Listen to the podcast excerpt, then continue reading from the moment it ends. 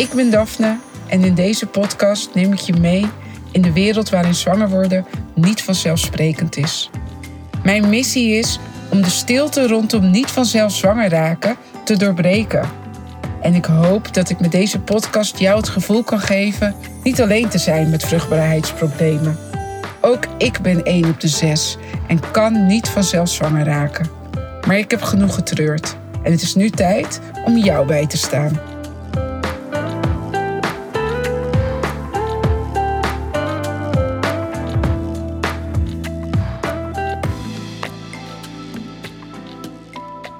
Wat fijn dat je luistert naar de allereerste aflevering van de Fit for IVF Niet vanzelf zwanger podcast. In deze aflevering vertel ik je wie ik ben, waarom ik niet vanzelf zwanger kan raken, hoe mijn missie in de afgelopen jaren is ontstaan en hoe ik uiteindelijk van mijn pijn een kracht maakte. Ik ga mijn verhaal vertellen. En op de een of andere manier is dat best wel spannend. Want ik heb echt het gevoel dat ik het voor een nieuw publiek ga vertellen. En ik ben het ook aan het inspreken, dat is natuurlijk ook weer anders. Maar ja, om te beginnen stel ik de vraag maar aan mezelf: wie ben ik? Dat is een hele goede vraag. Wie ben ik? Ik heb soms nog steeds het idee dat ik niet precies weet wie ik ben. Maar dat is een ander onderwerp. Voor nu ben ik Daphne. Ik ben 37 jaar. Ik ben moeder. Ik ben tante. Ik ben dochter. Ik ben gek op sporten en op lezen. Ik ben vervroegd in de overgang. Laten we die niet vergeten. Die vergeet ik zelf soms wel eens. En ik ben een vrouw die niet vanzelf zwanger kan raken. Ik ga proberen om te beginnen bij het begin. En dat was toen ik ongeveer 24 jaar was. En misschien wel 23, waar ik stopte met de pil. Het begin is eigenlijk dat ik een jaar of 14, 15 was en begon met de pil. En ik slikte de pil en dat ging helemaal goed voor mijn gevoel. En toen ik een jaar of 21, 22 was, ging dat de hele tijd wisselvallig en niet zo heel goed meer. En ik had ergens gelezen dat die hormonen helemaal niet goed zijn voor je lichaam. Dus ik wilde de hormonen niet meer in mijn lichaam. Ik stopte met het slikken van de pil. En ik werd heel erg onregelmatig ongesteld. Op dat moment sportte ik op hoog niveau. Ik korfbalde bij Blauwit Amsterdam ik maakte een afspraak bij de huisarts om aan te geven dat ik uh, onregelmatig ongesteld werd. De ene keer zat er een maand tussen, de andere keer zat er, zat er twee maanden tussen. Dan zat er weer drie maanden tussen. Soms zat er maar drie weken tussen. Dus het klopte gewoon niet voor mijn gevoel. En ik ben twee keer naar de huisarts geweest met dat verhaal. En twee keer ben ik uh, eigenlijk weer naar huis gestuurd. En zei de huisarts van, nou ja, weet je, je bent een jonge meid, je sport op hoog niveau. Je hebt een laag vetpercentage, je bent super fit. Het kan dan zijn dat je hormoonhuishouding in de war raakt. Dus het is niks waar je zorgen om hoeft te maken. Hou het in de gaten en mocht het nu echt nog een keertje onregelmatig worden, dan uh, kom je gewoon weer bij me terug en dan kun je me bellen. Nou, dat was dus al de tweede keer. Nu Weet je wat ook was? Op dat moment was ik ook jong. En ik moet eerlijk zeggen, de momenten dat ik ongesteld was, was ook van: oh, ben ik weer ongesteld? Ik zit daar eigenlijk niet op te wachten. Dus de momenten dat ik niet ongesteld was, waren gewoon ook heel erg fijn. En dacht je van, nou ja, weet je, dat komt dan wel. Ik heb altijd een kinderwens gehad. Maar op dat moment dacht ik nooit van, oh, het kan wel iets zijn dat ik geen kinderen kan krijgen. Want daar was ik helemaal niet mee bezig. Ik was 24 en ik was bezig met uitgaan met vriendinnen en feesten en uh, shoppen en alleen maar dingen doen die ik leuk vind om te doen. En al die andere dingen, daar dacht je later dan wel over na.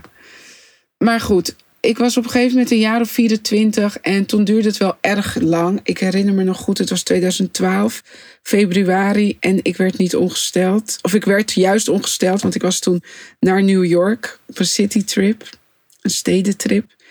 En ik werd ongesteld. En uiteindelijk ging ik terugrekenen. En de, eerste, de laatste keer dat ik ongesteld was, was die zomervakantie. Dus meteen toen ik terugkwam vanuit uh, New York, ben ik weer naar de huisarts gegaan. En nu voor de derde keer. En die verwees me toen door naar het ziekenhuis. Ik was toen 24. Nee, niet. Ik was al 27. 26, 27 toen. Ik werd doorverwezen naar het ziekenhuis. Het duurde heel even voordat ik een afspraak maakte. omdat ik toen in Amsterdam woonde, half. En nou, ik weet niet of je het weet, maar life happens. En ik ging dus, de afspraak heb ik een half jaar later ingepland. Toen was er een wachtlijst. Duurde het nog een half jaar voordat ik opgeroepen werd voor de afspraak. En uiteindelijk was het 2013 dat ik terecht kon. Ik ging naar het ziekenhuis toe en ik vergeet die dag eigenlijk nooit meer. Ik ehm, ging naar het ziekenhuis toe en dacht, nou, we gaan wel zien wat er gaat gebeuren. Ik weet niet wat er aan de hand is. Dus ik kwam daar binnen. Ik moest naar het Prinsengracht ziekenhuis in Amsterdam. Dat is overigens ook het ziekenhuis waar ik geboren ben. En ik kwam daar aan en moest naar de afdeling gynaecologie. En ik werd daar door een gynaecoloog werd ik, ehm, opgeroepen. En zij ging een inwendig onderzoek doen bij mij. Ik vond al dat ze heel erg vreemd reageerde. Ze had een co-assistent bij zich en vroeg of dat mocht. En ik vind dat altijd prima. En die mensen moeten, weet je, die moeten ook leren. Dus ik zou het ook heel erg fijn vinden als ik dat zou kunnen doen bij iemand. Dus ik uh, gaf toestemming daarvoor. En die vrouw die reageerde al een beetje raar. Zei wat tegen de co-assistent. En ik voelde me een beetje ongemakkelijk bij. Maar ik durfde ook niet te vragen van... oh, is er wat, wat ziet u? Of is het slecht? En ik zei, nou, is er iets ergs? Ik, volgens mij zei ik dat nog wel. En toen zei ze tegen mij van... nou, weet je, ik wil geen overhaaste beslissingen nemen. Dus het beste is als je nu nog even bloed gaat prikken... En als, jij, als we de uitslag daarvan binnen hebben, dan heb ik een plekje over drie weken en dan kun je bij me terecht. Nou, ik ging met een raar gevoel naar huis en dacht, nou, ik weet niet zo goed wat er aan de hand is. Maar het zal wel niet zo ernstig zijn. Dus drie weken later kom ik terug in mijn eentje. Omdat ik toch ja, optimistisch erover dacht. En dacht van, nou, als er wat aan de hand is, dan krijg ik vast een pilletje. En dat pilletje gaat mij weer beter maken. En dan uh, is er niks meer aan de hand. Dus ik ging weer naar die afspraak en ik ging daar naar binnen. En ik kreeg van die vrouw te horen dat ik vervroegd in de overgang was. Daarbij schoof ze dus een stapeltje met folders naar me toe. En vertelde dat ik deze folders even moest doornemen. Dat dat heel erg belangrijk was. Dat er ook een nummer bij zat dat ik contact op kon nemen met iemand. En of ik al klachten had. En dat ik dus ook een afspraak moest maken in het OLVG. Om daar met een arts die gespecialiseerd is in de overgang of vervroegde overgang in gesprek te gaan mijn eerstvolgende vraag: en wat betekent dit eigenlijk voor me voor de, met vervroegde overgang? Ze zegt: Nou, dat betekent eigenlijk ook dat je niet op een natuurlijke manier zwanger kunt raken. En dat viel zo als een bom in. En ik wist eigenlijk niet meer. Ik heb helemaal niet meer geluisterd naar wat ze zei. Ik ben daar beduust weggelopen. Ik weet nog dat ik buiten op de stoep ben gaan zitten en ben gaan huilen.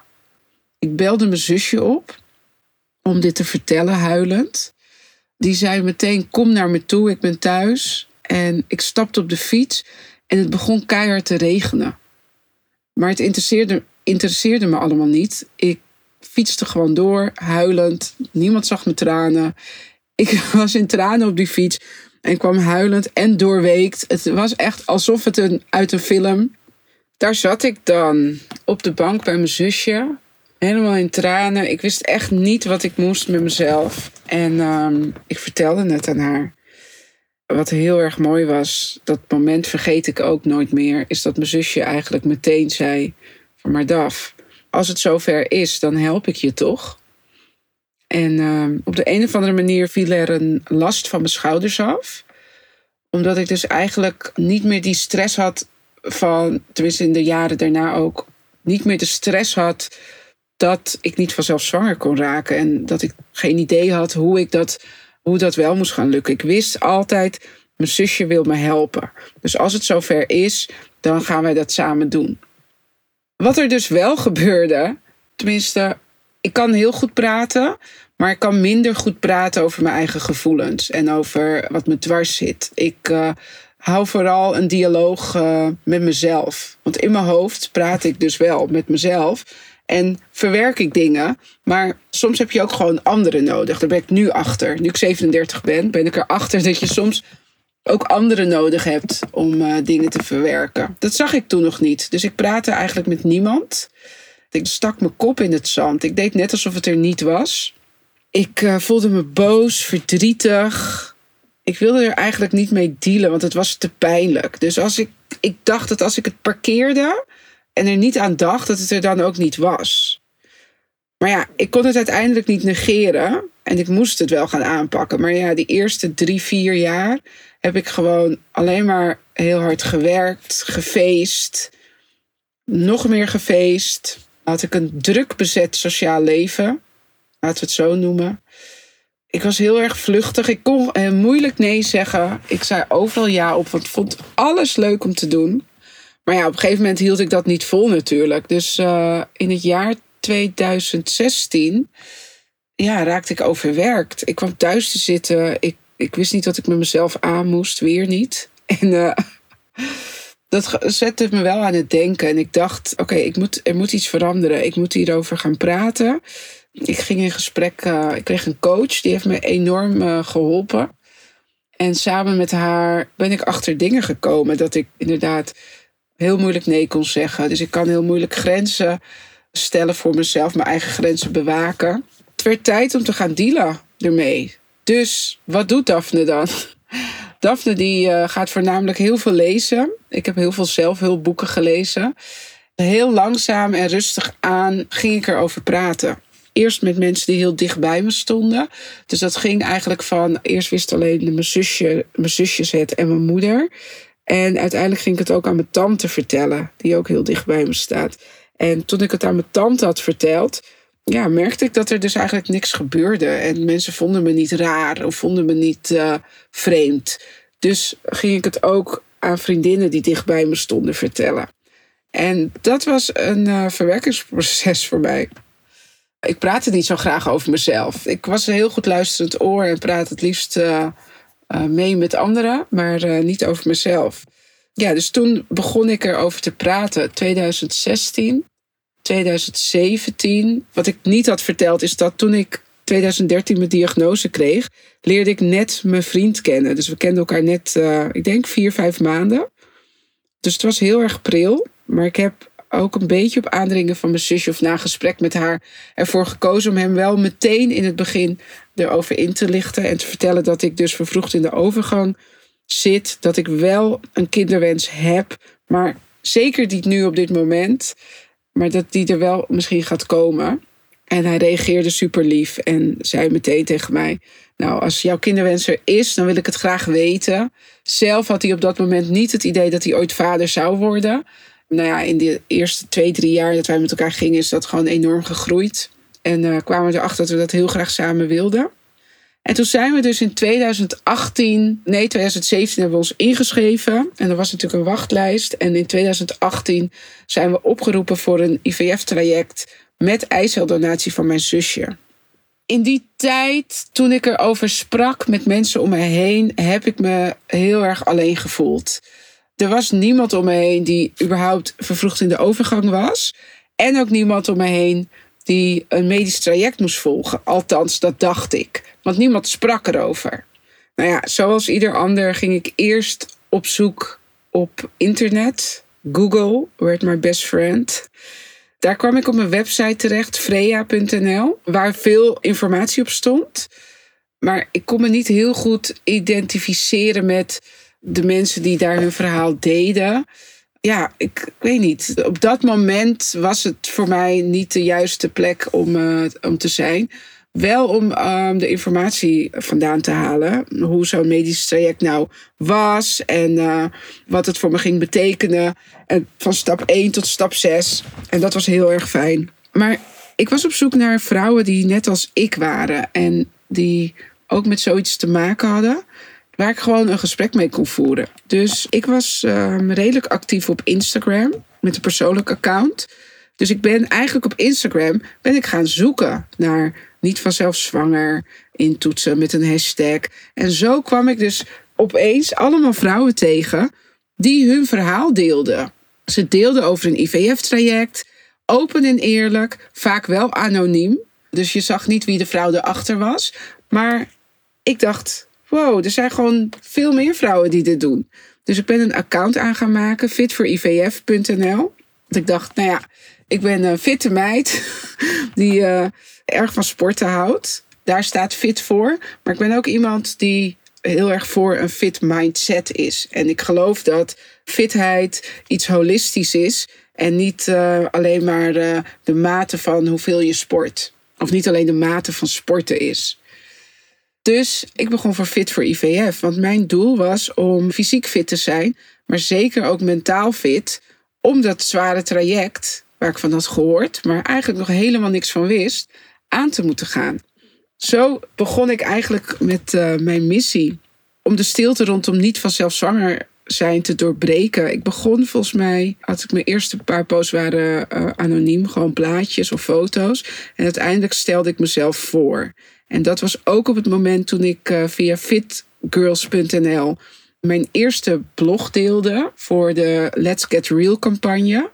Een hele mooie campagne waarvan ik eigenlijk hoop dat die binnenkort misschien nog een keer terugkomt. Dus Dani, als je dit hoort, laten we Let's Get Real campagne weer opzetten, want het is zo waardevol. Tijdens die campagne deelde ik dus mijn eerste blog, waarin ik uh, uit de kast kwam, kun je eigenlijk misschien wel zeggen. Want alle mensen die ik kende, mijn hele sociale leven in Amsterdam, die wisten natuurlijk nog niet wat er aan de hand was. Dus op het moment dat ik dat deelde op Facebook, op uh, Instagram, dat ik een blog had geschreven erover, werd ik overladen met lieve berichtjes en wensen en uh, zelfs kaartjes. Dat ik gewoon echt nou, ik heb volgens mij wel twee dagen gehuild. Dat ik me, en dat ik toen ook dacht van waarom heb ik niet eerder gepraat? Waarom heb ik dit niet eerder gedaan? En dan had ik zoveel meer steun gehad van de mensen om me heen. In plaats van dat ik het altijd maar alleen wilde oplossen. Maar ja, dat is iets wat ik ooit heb meegekregen. Of ik veel. Dat is wel iets wat bij mij hoort. Dat ik altijd het gevoel heb dat ik het alleen moet oplossen. En alleen moet doen. Wat niet raar is, ben ik nu achter. Maar dat is ook een ander onderwerp. dus um, uiteindelijk werd dat dus mijn missie. Ons traject is erg voorspoedig gegaan, moet ik eerlijk zeggen. Tijdens het eerste IVF-traject raakte ik al zwanger. En die zwangerschap is ook in één keer goed verlopen. Waar ik enorm dankbaar voor ben. En soms nog steeds een beetje flabbergasted. Omdat ik door alle verhalen die ik lees en alle interviews die ik heb gehouden met vrouwen ook zeker weet, en de vrouwen om mij heen nu, ook zeker weet dat dat niet vanzelfsprekend is. Dat alles in één keer goed gaat. Vind ik wel dat ik erg veel geluk mee heb gehad, als ik dat zo mag noemen. Ik raakte zwanger. Toen ik zwanger was, vond ik het moeilijk om nog wat te delen op mijn uh, Instagram-page ja, ik ben iemand die heel erg uh, meegaand is met anderen. Dus ik vond het lastig om een ander, weet je wel, voor het blok te zetten met allemaal leuke foto's van mijn kind. Terwijl iemand me natuurlijk ook gewoon prima kan ontvolgen. Dat kon ik wel op mijn persoonlijke pagina doen. Dus ik heb ook volgens mij, denk ik, twee jaar lang bijna niks gepost. Tot, ik denk, uh, begin uh, of april 2021. Toen ben ik weer wat gaan posten. Omdat wij ons ingeschreven hadden voor een tweede IVF-traject. Omdat we heel graag een tweede kind zouden willen. En dus nu te maken hebben met onze secundaire vruchtbaarheidsproblemen. Dus toen ben ik weer begonnen met posten. En ik ben ook mijn missie en mijn visie ben ik gaan uitschrijven. Waardoor ik nu een veel beter beeld heb over wat ik eigenlijk zou willen. Mijn Instagram-pagina moet een pagina zijn waar vrouwen die net te horen hebben gekregen dat ze het medisch traject moeten volgen, naartoe kunnen gaan en kracht uit kunnen halen. Daar kunnen ze zien dat ze niet alleen zijn. Ik verdeel daar ook wel met een kleine knipoog soms filmpjes waarin ik, uh, en dat is ook omdat ik persoonlijk zo ben, ik probeer alles wel heel erg optimistisch te zien en ook eigenlijk juist de leuke dingen van de leermomenten uit iets te halen. En daar komen we nu bij hoe ik van mijn pijn een kracht maakte. Omdat ik op een gegeven moment dacht ik van ja, ik kan in een, in een hoekje blijven zitten en uh, helemaal in mijn eigen zelfmedelijden zwelgen. Maar ik kan ook deze verdriet en mijn reis en mijn ontwikkeling die ik heb gemaakt, kan ik ook gebruiken om andere vrouwen iets mee te geven. En om juist te laten zien Natuurlijk is het zwaar en natuurlijk is het uitputtend. En natuurlijk is het een rollercoaster van emoties. Maar het zijn ook leermomenten. Je leert hiervan, je wordt hier sterker van. Je komt jezelf tegen. Ik heb geleerd om mijn grenzen te bewaken. Door die dingen, die punten aan te gaan, ben ik denk ik ook alleen maar sterker geworden en heeft het me heel veel kracht gegeven.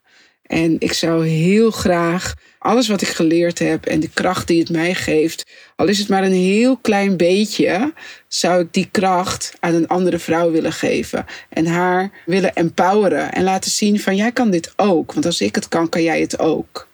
Dat is dus eigenlijk mijn missie. En ehm, ik denk dat ik misschien vast nog wel iets vergeten ben. Dus mocht je nog vragen hebben, stuur ze me op alsjeblieft. Dat kan naar info fitforivf.nl. Dat is F-I-T-F-O-R-I-V-F.nl.